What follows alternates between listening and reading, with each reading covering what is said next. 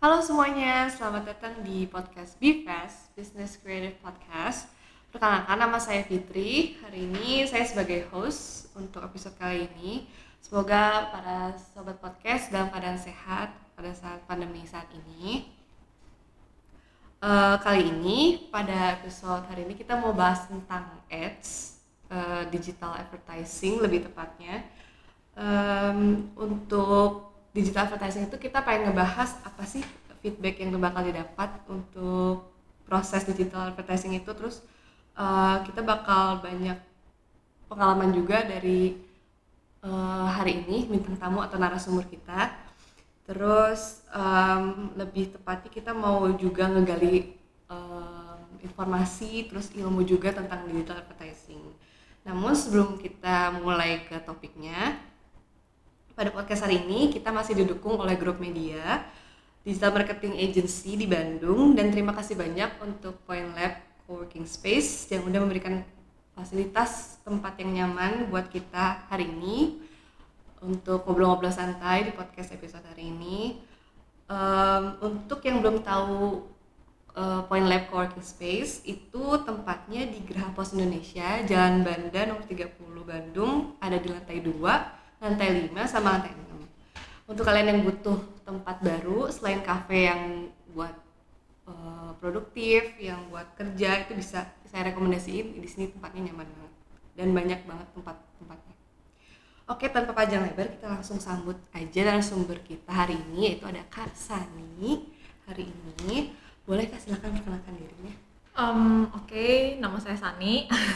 saya kebetulan memang di uh, bagian ads gitu sih ada spesialis mungkin lebih tepatnya oke okay. untuk kakak sendiri sekarang kegiatannya apa aja kalau buat sekarang ya itu sih mungkin lebih ke ngurusin beberapa ads dari klien uh, ads itu uh, luas ya cakupannya ada Instagram ada Facebook dan lain-lain gitu sih yang berhubungan dengan ads aja gitu okay. selain untuk itu ada lagi kayak kegiatan selain di luar advertising hmm, di luar itu mungkin saya apa ya salah satu owner bisnis juga sih hmm. dan di bidang sepatu sih kebetulan hmm.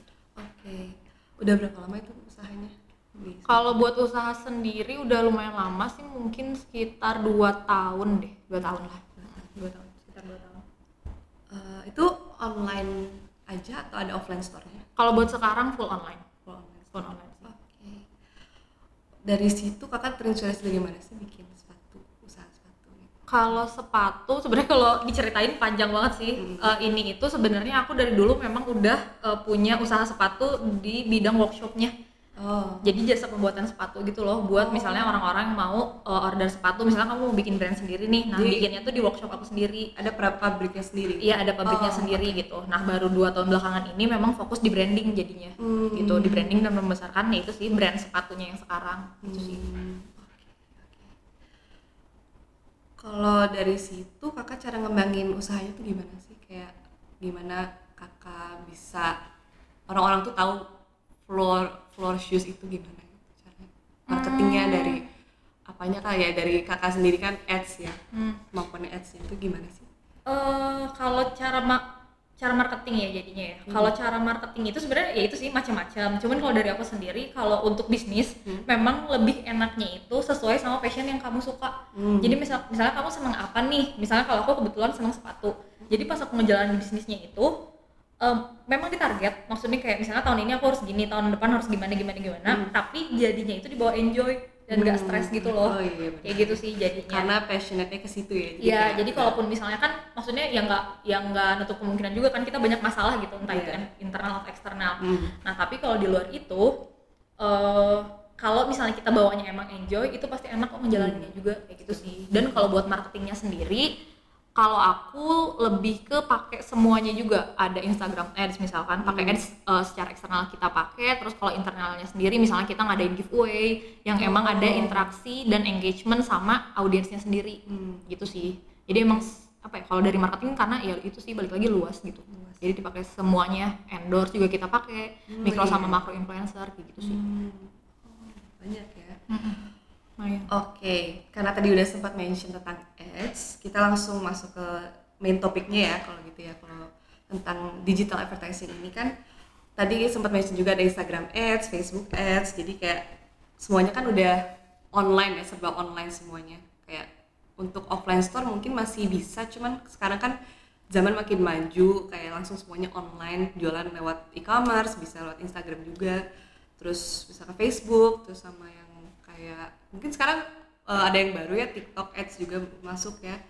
Um, untuk kakak sendiri paling banyak pakai tools yang mana tools uh, ads-nya yang kalau untuk sekarang tetap sih yang paling banyak tetap FB Ads sama IG Ads hmm, gitu sih kalau untuk TikTok mungkin sekarang ini kita belum terlalu pakai hmm. karena masih belum gimana ya jadi kalau untuk TikTok kan sekarang memang platform yang mungkin banyak digemari sama anak muda kan betul gitu kan hmm. nah tapi buat formulanya sendiri kita masih belum nemu yang tepat gitu loh kalau untuk TikTok hmm. gitu sih karena jadi algor ada algoritma yang beda ada algoritmanya ya? sendiri dan hmm. mungkin dari segi penyuguhan konten oh, iklannya juga kan di situ kita harus teliti juga nih yeah, misalnya yeah. yang kayak yang bagus yang kayak gimana yang memang working kayak gimana nah hmm. itu sih yang belum kita dapat gitu sih jadi buat sekarang kalau misalnya platform yang sering dipakai tetap FB Ads sama IG Ads hmm.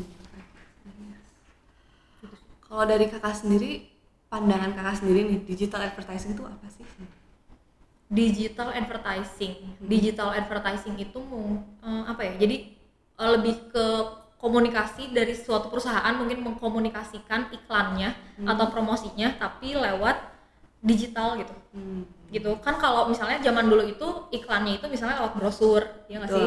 bisa lewat brosur terus misalnya pokoknya sesuatu yang sifatnya fisik. Hmm. nah kalau digital itu lebih ke memang yang eh, nggak ada fisiknya tapi kita tersebar di ya misalnya di radio misal. Hmm. radio atau yang tadi FBS IGS kayak gitu-gitu sih. Lebih ke digital sih jadinya. Hmm terus yang buat kakak pengen kayak oh udahlah mungkin uh, yang fisik yang yang dulu yang tradisional gitu yang uh, cari uh, cara iklan yang tradisional tuh, tuh udah nggak bisa gitu. Uh, yang buat kakak pengen terjun ke digital advertising itu apa sih? Kalau yang bikin pengen terjun ke digital karena sebenarnya uh, dari gimana ya jam ya itu yang kamu bilang juga kan misalnya hmm. zaman makin maju dan mau nggak mau kita pasti ikutin perubahan gitu loh kalau misalnya kita terus-terusan kekeh di yang tradisional ya lama-lama juga kita yang ketinggalan gitu jadinya jadi hmm. ya itu sih kalau buat idealis sendiri ya tetap nggak bisa hmm. kalau misalnya mau tradisional ya hmm. tetap memang harus digital jatuhnya karena ya kita juga nggak tahu loh sampai kapan uh, kan kalau sekarang itu mungkin mall-mall masih ada nih misalnya hmm. kita nggak tahu misalnya beberapa tahun lagi tiba-tiba kita memang udah nggak ada uh, store fisik. Betul. yang ngasih offline yeah, store yeah. tapi semuanya pindah ke online nanti. Ya siapa tahu juga kan mm -hmm. kayak gitu. Jadi tetap harus dipelajari juga sih mm -hmm. gitu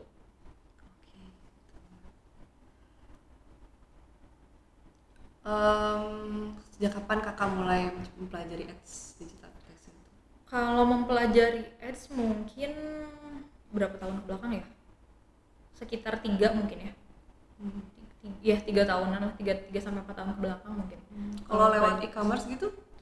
Lewat e-commerce e-commerce itu sebenarnya udah lama juga. Hmm. cuman baru memang boomingnya itu dua sampai tiga tahun ke belakang sih kalau untuk e-commerce. Hmm. gitu sih. Dan untuk sekarang kan sebenarnya kalau untuk menjualan gimana ya orang itu lebih selektif kan. Kalau dulu mungkin misalnya uh, kayak dulu aku misalnya jualan sepatu tahun 2013 2014 hmm. kita aku masih uh, pakai BBM oh betul Iya nggak, maksudnya via BBM dan lain-lain. Terus waktu itu sempat juga belum booming nih endorse. Aku tiba-tiba ketemu artis terus itu di mall padahal dan kebetulan lagi bawa produknya. Dulu sempat jualan bracelet kayak gitu-gitulah pokoknya aksesoris Korea. Pas ketemu artis di mall itu, pas ketemu eh ada si siapa ya saya lupa. lupa lah pokoknya siapa gitu. Dia tuh waktu itu lagi zaman girl band, girl band siapa ya lupa, lupa lupa namanya. Udah kayak gitu pas kebetulan lagi bawa langsung beli box di Heartwarmer gitu. Pokoknya beli box gitu. Yang lucu-lucu iya ya. pokoknya buat packaging gitu terus langsung apa nulis gitu. E, hmm. kak ini apa ya pokoknya kak ini cocok banget buat kakak gini gini gini gini gini ditulis lah nama online shop aku udah dikasih. Dan di luar ekspektasi ternyata dia langsung ngepost di twitternya. Dulu tuh. Oh iya ya zaman twitternya dulu ya. Kalau ya dulu tiba-tiba dia ngepost di twitternya dan nggak tahu kenapa fotonya juga estetik gitu loh. Hmm. bagus banget pokoknya. dia. Uh, ini makasih banget ya buat ini gini gini gini gini gini. Shout out gitu jadi iya dan hubungin ke sini ya langsung hmm. buat kalau ada ada yang mau pesen kayak gitu kan. Dari situ langsung booming lagi gitu loh. Padahal dulu tuh itu 2013 deh kalau nggak salah. Maksudnya belum zaman endorse dan lain-lain yes, iya tapi ternyata oh ini gitu yang sekarang lagi ramai itu ya nggak sih? Ya itu balik lagi kan zamannya tuh beda gitu. Ya, dulu fase fasenya ya. Hmm, fasenya beda. Kalau dulu kan nggak tahu sama sekali bahkan orang itu kan nggak dibayar. Iya betul. ya nggak sih? Tapi dia beneran langsung makasih ya buat ini braceletnya bagus banget gini gini gini gini. Kayak gitu sih. Gitu. Gitu, dan apresiasi juga. Iya jadinya apresiasi kan. Dan ya itu sih untung buat kitanya kayak beneran nggak expect kayak oh ternyata dia ngepost loh di twitternya. Dulu tuh kayak gitu. Kan harusnya ya kalau aku pribadi ya waktu itu tuh yang nggak usah juga nggak apa-apa gitu loh yang penting dia pakai produk kita Diterima gitu aja, udah sih. bersyukur Iya, gitu ya. diterima aja dulu dan kalau misalnya ada Hanes review misalnya kayak "Eh, ini bagus banget atau ini kayaknya kurang deh gini gini gini ya nggak masalah juga gitu sih karena mindsetnya itu bukan promo dulu tuh Yo. yang penting dipakai dulu aja Iya gitu sih. tapi ya balik lagi kan kita nggak mungkin kayak ngasih bracelet kayak ini ya nggak gitu juga kan makanya beli packaging dulu apa-apa yang bagus dikotakin segala macam pakai pita kayak ini ya Oh, butuh gitu sih. presentasi juga ya dari situ ya. Mm-mm, jatuhnya kayak gitu sih kayak gitu sih Oke. Oh iya kalau gitu ada kayak mentor atau influencer atau apa ya kayak eh, guru kakak gitu yang em, acuan jadi acuan kakak gitu untuk pelajari ads. Oh, untuk mempelajari ads. Kalau buat mentor sendiri, hmm, sebenarnya mentor secara langsung nggak ada juga sih. Cuman kan sekarang banyak juga ya, maksudnya kita bisa belajar dari berbagai platform. Ada eh, YouTube misalnya, atau Hmm. dari Instagram sendiri kan sebenarnya banyak juga ya yang Hmm. bikin infografis tentang ads dan lain-lain. Hmm. Sudah kayak gitu, banyak lah. Maksudnya kita bisa secara, secara gratis kok dapetin ilmu itu, Oh, gitu sih. Tapi kalau buat orangnya sendiri, aku suka sama Denny Santoso. Hmm. Denny Santoso, terus GM Susanto ada juga, itu praktisi ads juga. Terus kalau yang baru-baru ini mungkin ada tahu Nico Julius nggak? Dia suka ada juga sih di Instagram. Oh, ads semua. Ads itu semuanya ads. Oh. Ads tapi lebih ke ads sama bisnis sih jatuhnya Hmm. gitu. Tapi kalau yang fokus ads itu GM Susanto Hmm. gitu. Kalau Denny lebih ke yaitu bisnisnya juga sih. Bisnis Dia juga. anak. Mm-mm. Kayak gitu sih. Oke. dan ya itu juga sih buat masukan juga kayak sekarang itu nggak harus semuanya berbayar gitu jadi ke- kalau kemarin-kemarin kan maksudnya aku suka ikut-ikut seminar gitu loh Hmm. kayak buat misalnya FBS gitu dan emang bayar gitu loh bayar Iya. dan emang langsung datang secara fisik Hmm. gitu tapi kalau sekarang kayak kemarin kan waktu kemarin itu lagi sempat booming juga clubhouse nih ya Oh nggak? betul betul. ya kan terus udah kayak gitu aku iseng lah aku iseng kayak ya udah dengerin aja kan karena lagi bahas tentang marketing atau tentang ads gitu ya lupa pas aku dengerin terus udah kayak gitu ada yang mau nanya lagi nggak nanya lagi nggak langsung aja raise hand pas raise hand tiba-tiba dipanggil tiba-tiba dipanggil sudah kayak gitu jadi speakers juga jadinya pas jadi speakers padahal cuma mau nanya Oh, Ngerti itu Jadi emang kayak- nggak bisa di undo atau apa gitu nggak jadi speaker bisa sebenarnya bisa live cuman emang Oh. aku sendiri emang pengen nanya gitu Oh. jadi kemarin itu case-nya ada ad- ada case lah pokoknya eh, dari Instagram Ads yang aku sendiri tuh belum bisa pecahin masalahnya Hmm. kayak pengen tahu itu sebenarnya kalau dari praktisi ads-nya sendiri praktisi dalam segi eh, pro ya maksudnya kan kalau kayak Denny Santoso gitu kan beneran udah pro banget kan Hmm. jadi ya siapa tahu kalau dari dia itu sarannya lebih masuk gitu loh ke aku gitu kan. Hmm. Terus pas itu manfaatin clubhouse raise hand terus ya udah langsung nanya aja Hmm. Eh, kok kalau ini gini gini gini gini? Oh menurut saya gini gini. Jadi dapat ilmu atau sharingnya tuh ya secara gratis gitu. Iya sih. secara gratis dan hari itu juga jam itu juga langsung Hmm. dapat gitu sih. Jadi pintar-pintarnya kita ngulik ya? Iya kalau kata aku gitu sih. Jadi nggak harus itu balik lagi nggak harus yang berbayar dan lain-lain kok. Yang gratisan juga kita bisa yang gratisan juga tidak menutup kemungkinan tuh eh, nggak nggak apa ya kayak bagus juga kok gitu Terus kayak bisa juga gitu Iya. orang tuh dapat yang gratis. Oke. Gitu Em, kakak tuh buka usaha itu yang sepatu tuh awalnya dari Instagram? Atau dari mana dulu sih? Dari Instagram. Instagram. Dari jadi Instagram. lang- dari Instagram itu langsung buka Instagram ads di situ. Instagram sama Facebook berarti ya? Kalau otomatis ya? iya sih. Ber- gimana ya? Jadi kalau dulu itu masih belum ada Instagram Ads kan? Jadi Hmm. memang Instagram ini lebih ke portonya aja sih Iya foto-fotonya ya Iya, Hmm. foto-foto, foto dari segi foto-foto sepatunya. Terus gitu. kalau dari situ jadi nunggu maksudnya lihat dari fotonya aja gitu, fotonya aja gitu. Atau Iya. ada cara lain? Hmm, buat apa nih? Ya ngiklaninnya gitu. Oh, ngiklaninnya ya lebih ke foto aja sih. Kalau foto aja. gitu. Hmm. Sebelum ada ke Instagram Ads ya, masih Iya. foto aja. Belum masuk Instagram Ads. Ada atau yang lain cuma doang Instagram belum? Baru. Kalau buat sekarang Instagram aja sih. Kalau untuk platform Twitter aku masih belum bikin. Hmm. Eh, Twitter nggak ada, Instagram ada, YouTube juga belum kan ya. Maksudnya kayak masih belum butuh aja gitu kalau YouTube. Hmm.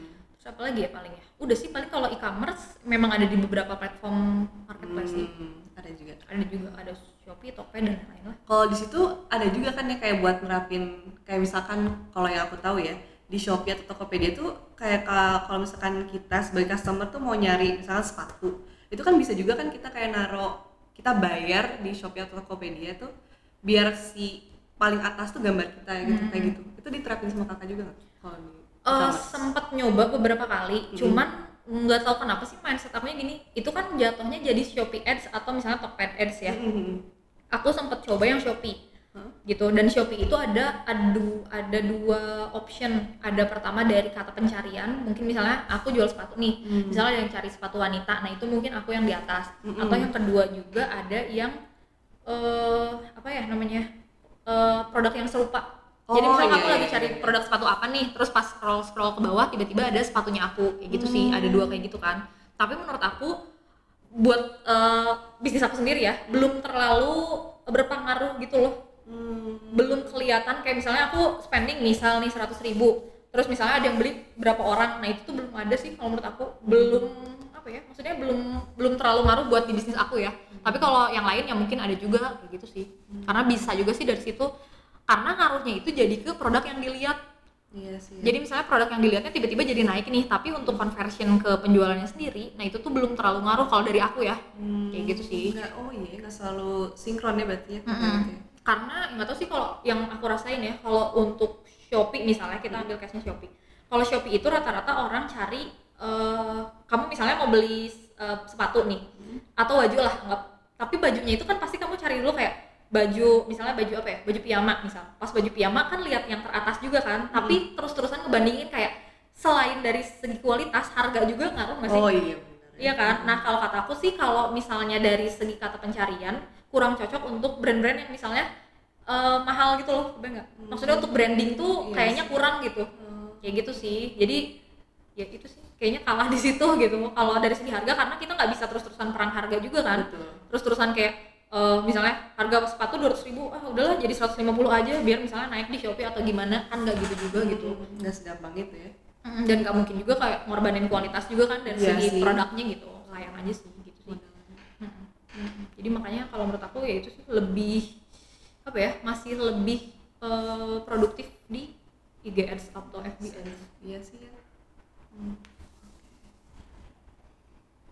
kalau Kak Sani mencari ide-ide kreatif di ads tuh dari mana sih biasanya Ide kreatif tergantung sih biasanya dari akun-akun luar tapi yang memang relate sama apa yang lagi kita cari. Misalnya aku sepatu nih, aku selalu nyarinya misalnya Converse atau Hmm. Vans kayak gitu-gitu loh. Mereka misalnya lagi bikin eh, campaign apa atau misalnya lagi bikin program apa kayak gitu-gitu sih. Hmm, jadi, kalau- banyak referensi banyak dulu. referensi. Hmm.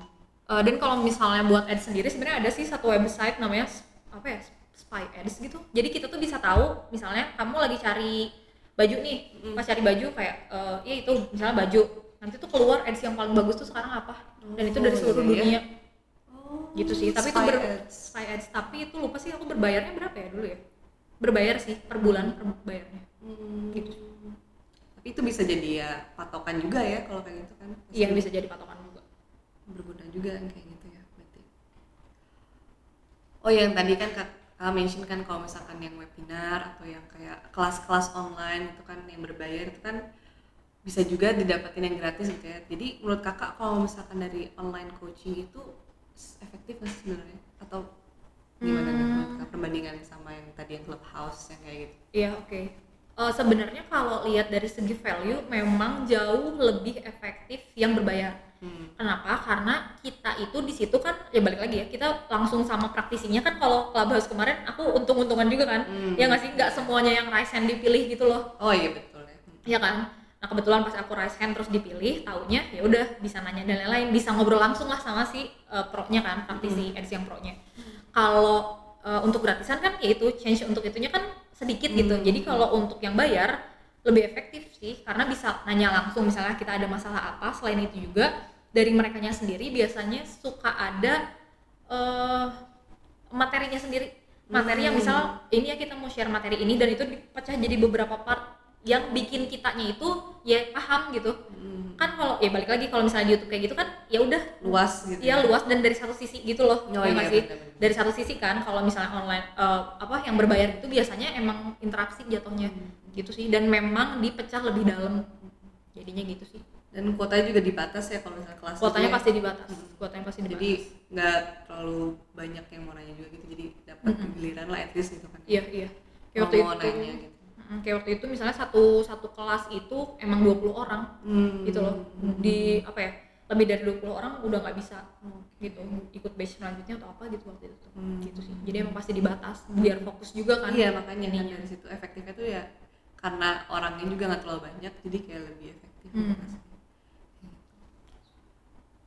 Oke. Oh iya nih, buat yang para pelaku usaha yang masih di awal-awal nih, dari kakak sendiri ada kayak tips and triknya nggak sih kayak gimana gitu kalau untuk bikin ads tuh di Instagram ads deh. Kalau yang kakak sekarang kan lebih mendalami gitu ya. Hmm, iya iya oke Jadi di Instagram ads. Eh, Oke, kalau untuk ads sendiri, aku bahasnya marketing dulu mungkin ya. Kalau untuk UMKM maksudnya memang yang baru awal-awal bisnis, Hmm. mereka harus tahu dulu nih misalnya pasarnya apa, audiensnya kayak gimana. Nah, itu Hmm. dulu yang harus di- dibedah. Hmm. Misalnya untuk audiensnya sendiri perempuan nih misalnya umur 16 sampai 30. Nah, itu dulu yang kita harus punya, yang kita harus bedah. Nah, eh, setelah kita punya data itu barulah kita bisa bikin ads-nya. Hmm. Ads-nya itu kan nanti ada untuk audiensnya juga nih. Audiensnya misalnya ya itu yang balik lagi yang tadi kayak misalnya cewek umur 16 sampai 30 dan bahkan di ads sendiri kita bisa pilih-pilih eh, interestnya apa Hmm. gitu jadi kayak misalnya aku ambil ke sepatu lagi ya misalnya sepatu nih eh, sepatu aku itu lebih ke orang-orang yang seneng gaya-gaya streetwear oh gitu jadi ya jadi nggak cocok misalnya orang kan macam-macam juga ya orang yang seneng sepatu ada yang seneng heels misalnya ada yang boots atau flat shoes Berarti ada kategori fashion lagi ya? ada kategorinya juga nah kita tuh harus tahu itunya dulu gitu kalau untuk bikin ads Berarti lebih gitu. mengkerucut lagi ya? untuk ya mencari. harus tahu ya itu dulu harus tahu audi- audiensnya seperti apa Hmm. setelah tahu audiensnya barulah masuk ke konten Hmm. gitu nah kalau kontennya sendiri sebenarnya harus di mix sih ada yang uh, foto video atau Oh, motion iya, iya. kayak gitu itu harus mix sih dan itu trial error jatuhnya karena di marketing itu nggak ada yang salah nggak ada yang bener. Hmm. kadang misalnya kamu pakai formula aku nih kayak audiensnya aku pakai ini ya. Misal kita jualan yang sama produk yang sama. Audiensnya pakai ini gini gini gini gini. Eh, terus si bentuknya aku pakai video nih. Kamu taunya pakai video tapi kita beda video gitu. Ternyata yang aku lebih unggul dari- daripada yang kamu. Kayak gitu sih. Iya, iya bergantung formulanya. bergantung formulanya juga. Hmm. dan trial error sih jatuhnya nggak ada yang sama. Apalagi ap- itu kan misalnya sama nih industrinya. Iya betul. apalagi yang beda gitu. Misalnya aku jual sepatu kamu jual baju nih. Terus kamu ikutin yang aku formula yang aku itu juga ada gimana ya nggak nggak sama juga gitu nantinya. tentu ya. hasilnya tuh nggak sesu bukan nggak sesuai sih. Maksudnya nggak ses- kadang nggak sesuai ekspektasi juga Hmm. gitu sih. Jadi emang trial error sih. Hmm. gitu sih. Jadi kalau tadi misalnya eh, tipsnya apa ya tipsnya memang tetap harus tahu dulu audiensnya kayak gimana. Di luar itu bentuk ads-nya sendiri kalian harus trial error sih harus tahu dulu gitu. Saya nggak nggak dari Instagram Ads itu tidak eh, langsung dapat sesuai ekspektasi ya pasti Iya. harus ada eh, diulang lagi diulang lagi Hmm. kayak gitu ya. Iya, kayak dilihat dari apa ya namanya insight-nya gitu ya, ya dari situ insight-nya ya. dan dari situ kan Traffic-nya juga. ya dan dari situ kan kita bisa tahu juga oh ternyata ads yang working itu kalau di di bisnis kita itu pakainya video Mm-mm. gitu dan videonya misalnya video-video yang estetik itu baru working gitu banyak Hmm. orang yang klik atau gimana kan nanti di data FBS juga ada kan misalnya Hmm. itu nge-reach berapa orang dan eh, yang ngekliknya tuh berapa orang Mm-mm. gitu nanti ada persenannya juga kayak gitu gitulah Jadi dapat datanya juga ya si pemilik usahanya gitu. iya betul Mm-mm. Oke. Prosesnya cukup rumit gak sih kalau untuk Instagram Ads itu? Kayak caranya gitu. Eh, sebenarnya enggak sih untuk pemasangan dan lain-lain juga enggak sih kalau Hmm. misalnya kamu mau belajar pasti bisa kok kalau untuk FB Ads apalagi kalau sekarang ini kan Instagram Ads eh, simple juga ya ada yang bisa via handphone gitu ya nggak sih? Iya, iya. ada yang cuman promote now misalnya kayak gitu-gitu kan bisa lewat situ dulu kok kalau memang mau belajar gitu. Nah nanti kalau misalnya emang di situ udah bisa atau misalnya mau coba ke yang lebih spesifik itu bisa langsung lewat Facebook. Kayak gitu sih. Dan kalau ditanya rupiah atau enggak menurut aku sih enggak sih. Dari Instagram sama Facebook tuh bedanya gimana? Eh, bedanya eh, sebenarnya nggak ada bedanya. Jadi kan eh, Instagram ini yang punya Facebook juga Hmm, kan. Jadi kita sama- tuh masih sama ya. Iya masih sama kan.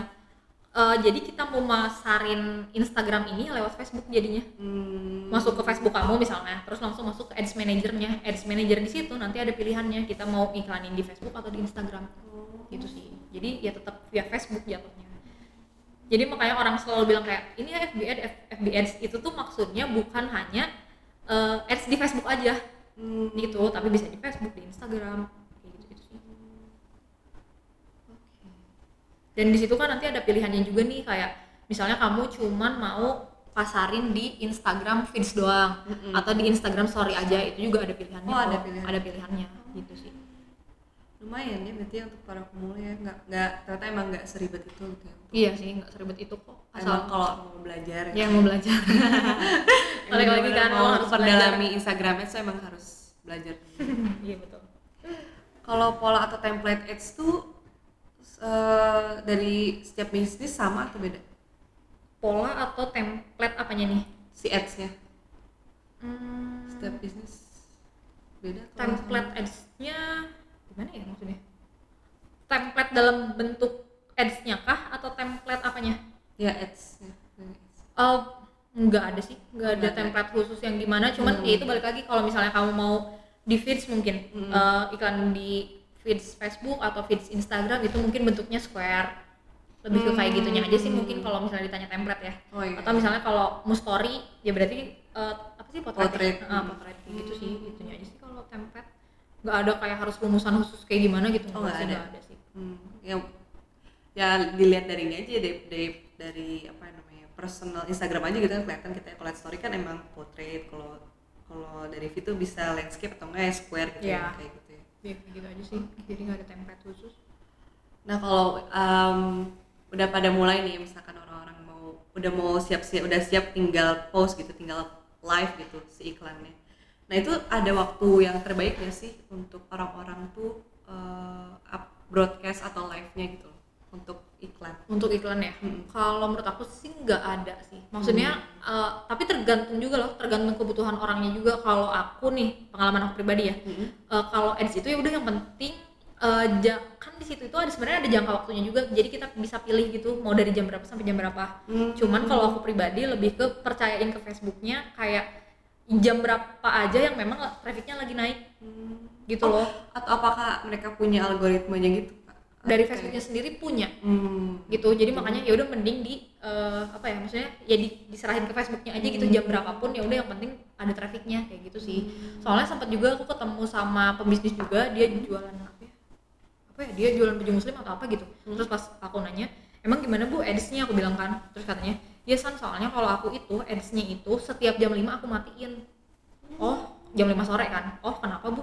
Ya soalnya pegawainya tuh udah pada pulang oh biar nggak ada apa ya kesannya kayak Jadi dia itu beneran untuk marketingnya sendiri dia beneran toh-tohan di eh, Facebook atau Instagram Ads. Hmm. Jadi misalnya pas orang lihat Instagramnya, pas lihat Instagramnya langsung ngechat gitu loh. Iya, iya, nah jadi makanya dia pengen stop itu.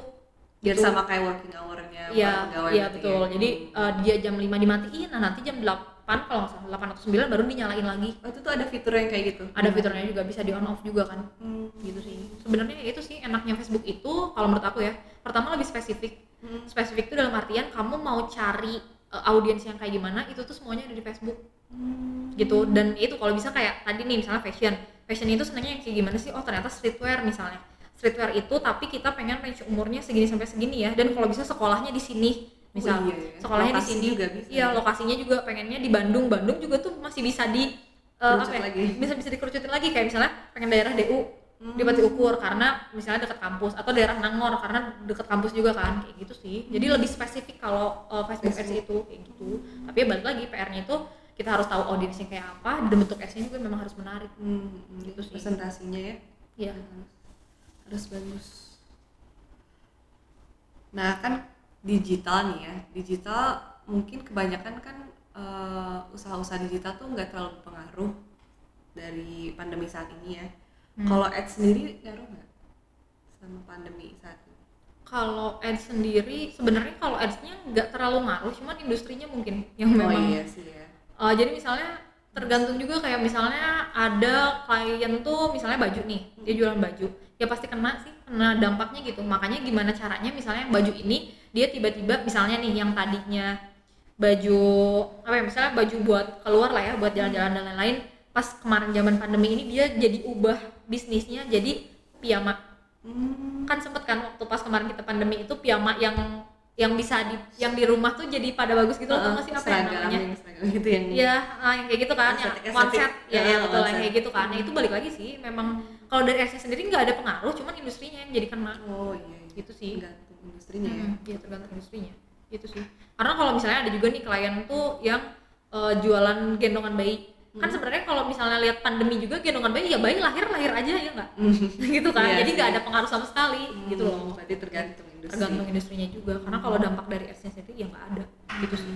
Cuman ya balik lagi kalau dari segi marketing nggak bisa cuman ngandelin ads aja gitu. Oh, iya. Bisa dari ya itu yang tadi aku bilang misalnya endorse lah endorse mikro makro atau misalnya eh, apa ya collab. Oh iya iya collab Itu dengan selebgram lah atau siapa kayak gitu kayak gitu gitu lah harus memang dari eksternalnya juga ada. Gitu nggak bisa dari internal terus terusan harus nyangkup banyak ya Iya. gitu. Oke. Untuk dari kakak sendiri pernah nggak sih kayak ngeiklanin lewat flyer atau kayak billboard gitu pernah? Hmm, billboard belum pernah. Kalau flyer, kalau buat sekarang ya di era digital ini belum lagi sih. Oh, tapi pernah? Eh, pernah sih waktu Pernah. itu, pernah, pernah. kalau dilihat dari situ apakah lebih ini ngomongin lebih ke ini sih buat kayak para eh, yang awal-awal eh, modal untuk cari modal modal di ads yang digital advertising sama yang kayak gitu tuh mending yang mana sih maksudnya untuk modalnya sendiri atau harganya lebih terjangkau yang mana Ini lebih ke yang lebih ke digital atau tradisional itu, Mm-mm. maksudnya eh, ya digital sih. Digital. Kenapa kalau tradisional itu ya balik lagi sekarang itu agak susah gitu loh untuk menjangkau orang-orang yang memang sesuai. Mm-mm. Kalau digital kan yang tadi aku bilang nih, kalau digital kita tinggal tentuin mau ini ini ini, nanti langsung Facebooknya nyari mau yang mana aja. Iya sih. udah gitu otomatis sih, ya udah otomatis. Dibandingkan kita misalnya sekarang bikin-bikin flyer kayak gitu-gitu kan, bikin flyer mau di mana misalnya? Hmm. Kita misalnya diam di di jalan misal nih, Hmm. atau misalnya ya di jalan tapi tuh yang lingkungan kampus. Terus misalnya ngasih-ngasihin gitu kayaknya ya tetap kurang efektif sih, karena kan cuma ke satu satu satu orang kan. dan kita juga nggak tahu itu sebenarnya target pasar kita atau Iya, bukan ya iya betul. Ditambah lagi kadang kalau misalnya flyer untuk zaman sekarang ya, Hmm. cuman kayak dilihat doang, ya udah misalnya si kertasnya diapain kayak dibuang atau gimana gitu Iya, loh, iya kan? makanya zaman itu sekarang makin maju gitu. Iya. Soalnya ya soalnya sempat aku waktu itu tahun berapa ya lupa deh. 2014 deh kayaknya, masih sepatu juga kan. Hmm. Memang sempat kepikiran buat bikin flyer aja dan udah udah udah udah, cetak belum ya lupa. Pokoknya kayak flyer gitu dan emang ngasihin ke angkot-angkot. Oh. Jadi emang disimpan kayak misalnya aku kas 5 misalnya 5 lembar nih.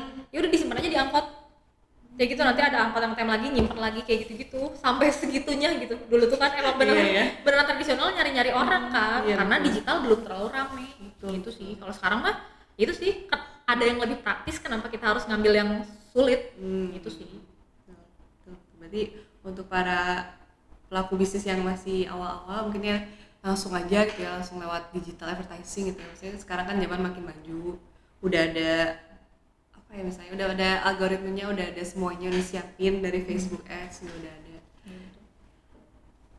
Oke. Em, dari ya dari setup dari setup ads yang Facebook sama Instagram itu apakah semua apakah kebanyakan itu sesuai sama ekspektasi nggak sih hasil si insightnya itu yang di reach sama orang-orang selalu Hmm. sesuai nggak sih? ya kalau ditanya ses- selalu sesuai atau enggak ya tergantung sih. Ada yang sesuai ada yang enggak. Jadi nggak bisa matokin kayak kalau misalnya kita pakai ads ini pasti sesuai ya. Kayak gitu-gitu nggak ada. Balik lagi trial Hmm. error. Oh, setelah iya. kita dapat eh, setelah kita dapat misalnya formulanya oh kayaknya untuk eh, misalnya si brand fashion ini tuh bagusnya itu misalnya video. Dan Hmm. rata-rata orang tuh senangnya ternyata video. Ya udah kita berarti terus-terusan bikin bentuk ads-nya sendiri video. Gitu. Dan kalau misalnya pakai foto nih tetap carousel kan. Itu tuh buat orang-orang yang memang udah tahu brand itu Hmm. kayak gitu loh. Jadi macam-macam apa ya kalau aku bilangnya formulanya sih jadi macam-macam gitu loh. Kayak misalnya untuk orang yang belum tahu brand kamu misalnya untuk orang yang belum tahu brand kamu kita pakainya bentuk ads kayak gimana. Tapi yang udah tahu nih tapi dia tuh masih Oh, iya. belum dia tuh masih belum pengen. Jadi misalnya kamu udah tahu nih misalnya brand eh, brand aku tapi sering lihat tapi enggak nggak mau nggak mau ngeklik. Misalnya berarti kan ada yang salah juga kan dari bentuk ads itunya sendiri ya enggak? Atau ada juga orang yang dia udah tahu udah follow kita juga. Tapi harus kita reminder terus. Kalau ini loh kita tuh lagi ada eh, diskon misalnya atau kita tuh lagi ada hmm, apa sih namanya model baru. Kayak gitu-gitu juga kan harus terus-terusan diingetin gitu sih. Jadi tergantung orangnya juga. Tergantung cakupan orangnya. Hmm, gitu sih. Iya benar ya. ya jadi beda-beda sih. Hmm. nggak akan ada formula yang kayak ini pasti working ya ini enggak. Kayak gitu nggak. Yang udah yang udah apa ya? Usaha yang udah lama aja itu perlu banget ningkatin ads juga ya. Maksudnya nggak Iya. nggak harus dari yang baru-baru Hmm. ningkatin ningkatin. Tapi yang udah punya usaha yang lama pun itu harus punya strateginya juga itu ya. Hmm, karena iya. harus reminder setiap customer kayak gitu ya. Ya, dan ya itu sih kalau notesnya juga kayak jangan takut untuk biaya ads-nya juga. Mm. karena kan mungkin banyak yang eh, banyak yang mikirnya kayak ini Modal ads, lagi. iya modal Hmm. lagi terus mahal gini gini gitu-gitu nggak sama sekali sih bahkan dari 15.000 ribu aja tuh sekarang bisa oh iya gitu 15.000 ribu satu hari tuh bisa working kok Hmm. kayak gitu cuman nanti ke depan-depannya kalau misalnya eh, udah pada ngerti nih FB ads eh, apa ya ngegedein budget ads itu sesuai dengan hasilnya nanti tuh Iya nggak? jadi misalnya penjualan kamu yang biasanya biaya ads-nya tuh 100.000 ribu sehari Hmm. penjualan bajunya itu misalnya 10 nah pas kamu ningkatin jadi satu juta sehari ternyata jadi 100 pieces. Lebih, jadi hmm. itu tuh sebenarnya sebanding Hmm. nantinya itu kayak gitu sih. Dan gimana ya orang-orang yang udah nyaman sama ads sebenarnya memang lebih percaya ads dibandingkan dengan endorse. Oh gitu. ya? jadi kalau dari segi marketing emang ada apa ya aku bilangnya kayak ada dua kubu gitu loh. Yang satu emang dia percaya banget sama ads yang satu lagi dia percaya banget endorse. Endorsement. gitu. Jadi giliran dia endorse misalnya ke artis puluhan juta nih Mm-mm. untuk yang makro makro tapi giliran kayak eh, untuk ads-nya sendiri dia 100.000 ribu aja kayak worry kayak Oh, kayaknya 100 iya, ribu iya. kemahalan deh buat ads. Gitu loh Ada, padahal dia tiap endorse tuh misalnya 20 juta 30 juta kayak gitu tuh nggak masalah. Tapi ada juga orang-orang yang dia tuh udah biasa ads tuh misalnya 1 sampai 2 juta sehari. Pas eh, pas pakai endorse dia tuh nggak percaya kayak ini kayaknya kemahalan deh 5 juta. Gitu loh padahal sama aja iya padahal sama aja kan sebenarnya. Tapi ya itu sih balik lagi tergantung bisnisnya juga sih kalau menurut aku industri bisnisnya juga gitu sih. Iya ya bisa. Kubu-kubu seperti itu. macam-macam sih soalnya. Ya balik lagi sih marketing harus dicoba semuanya juga kan. Sampai Mm-mm. kita nemu mana yang paling working ya itulah yang kita pakai. Hmm, gitu sih. Tergantung balik lagi ke usaha masing-masing ya. Iya. Em, kalau dari digital marketing tuh apa sih faktor penentu kesuksesannya? Digital mar- faktor penentu kesuksesan dari segi ads juga ini digital marketingnya sih. Digital mar- hmm, banyak faktor. Banyak. Banyak faktor sih. Salah satunya itu sih kalau misalnya ads aku pikirnya lebih ke bentuk sih. Bentuk Hmm. adsnya sangat berpengaruh. Hmm. sekarang kamu jual fashion nih misalnya Hmm. baju bajunya yang misalnya tuh yang memang middle up. Harganya tuh misalnya 500 sampai 700 ke atas lah ya. Hmm. terus kamu tiba-tiba pakai videonya tuh yang misalnya dari influencer yang cuman via handphone kan nggak sinkron kan? Iya, iya, iya. harusnya tuh lebih ke video yang proper video yang memang pakai videographer yang gimana misalnya kayak gitu sih. Hmm. jadi faktor penentunya ya sesuaikan dengan budget budget juga. sesuaikan dengan audiens kamunya sendiri Hmm. gitu. pasar kamunya seperti apa ya sesuaikan seperti itu. Kayak gitu sih. Hmm, benar ya. Semuanya bergantung ya. Ya dan digital marketing sekarang ini nggak semuanya juga harus berbayar. Kalau menurut aku ya Hmm. manfaatin kayak sekarang misalnya TikTok. Oke TikTok kan buat masuk FYP tuh masih bingung gak sih? Maksudnya Iya, algoritmanya tuh harus gimana Hmm, ya nggak sih? pada dan lebih ke untung-untungan balik lagi ya nggak sih? Hmm. tiba-tiba yang misalnya video suka random aja iya gitu ya. random banget kan. Tiba-tiba video yang biasa aja tiba-tiba ah, kenapa ada di FYP tapi misalnya seru atau gimana. Tapi giliran kita bikin video yang niat iya betul, betul. video yang bagus banget tiba-tiba kurang gitu iya yang nonton cuma 100 200 kan aneh Iya, gitu iya. jadinya gitu kan. Jadi belum tahu Hmm, jadi digital digital marketing itu itu sih mindsetnya itu nggak semuanya harus berbayar intinya gitu Hmm. yang yang nggak berbayar pun banyak dan bisa dimanfaatin gitu Hmm. sih asal hebat lagi kitanya mau belajar dan mau ngulik Hmm, betul, Gitu. betul. gitu karena ya random sih apalagi sekarang TikTok ya Heeh. random sih random banget FYP-nya tuh kayak gimana gitu orang-orang Iya. tuh ya kan Heeh. Kayak suka ada aja gitu yang nggak yang nggak seharusnya ada tapi ada gitu. iya memang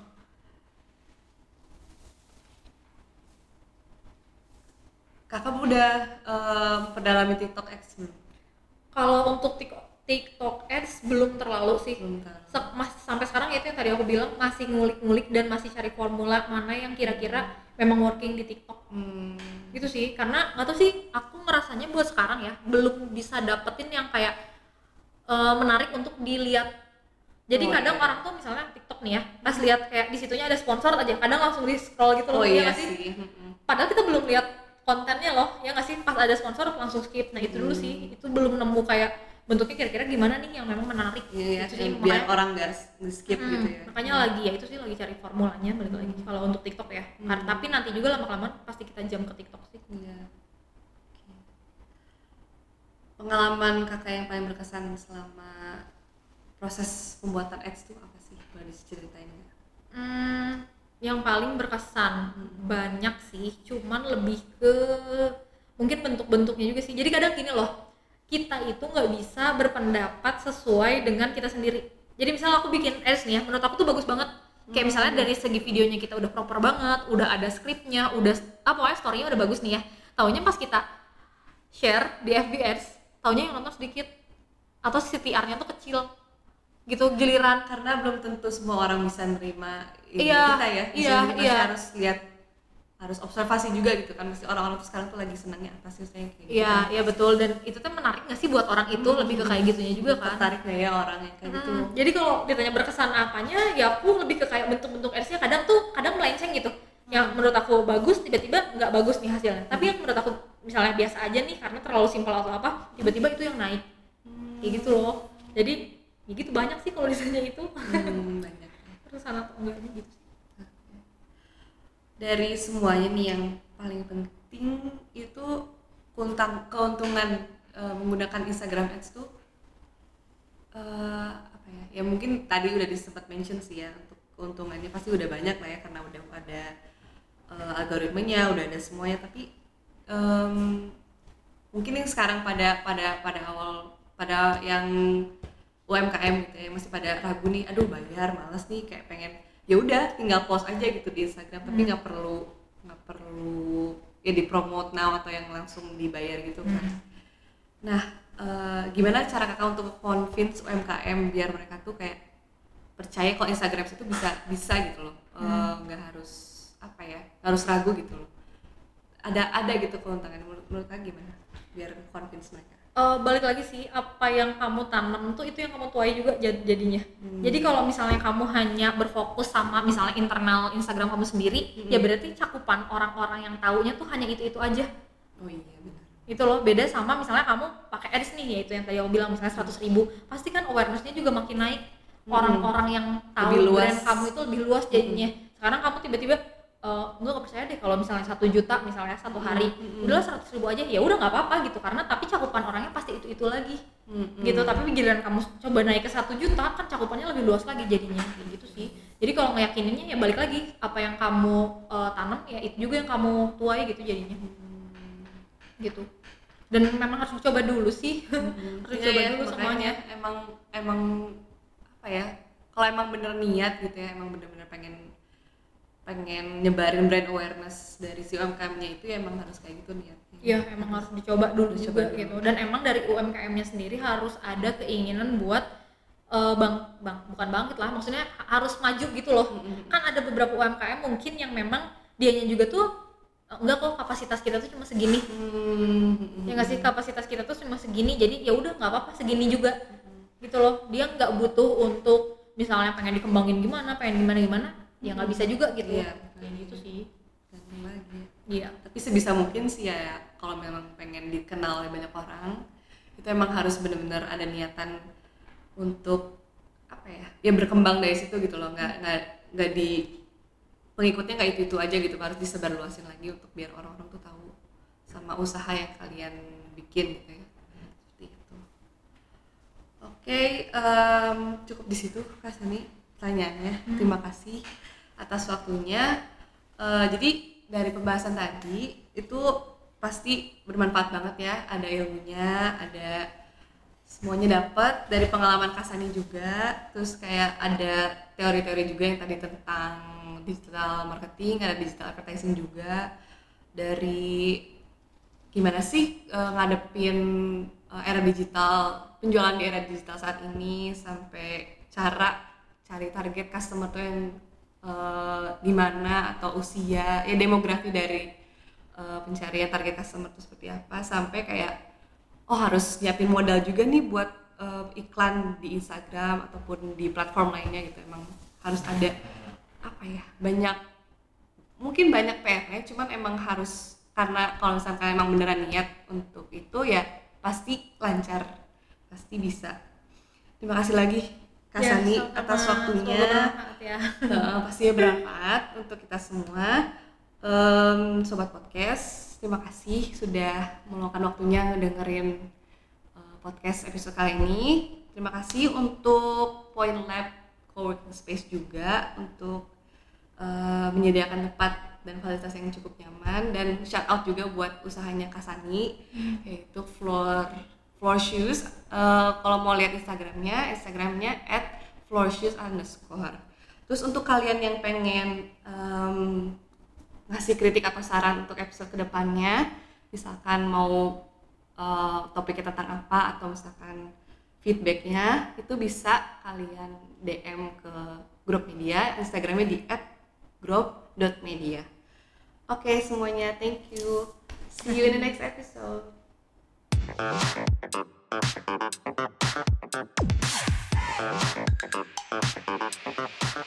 you.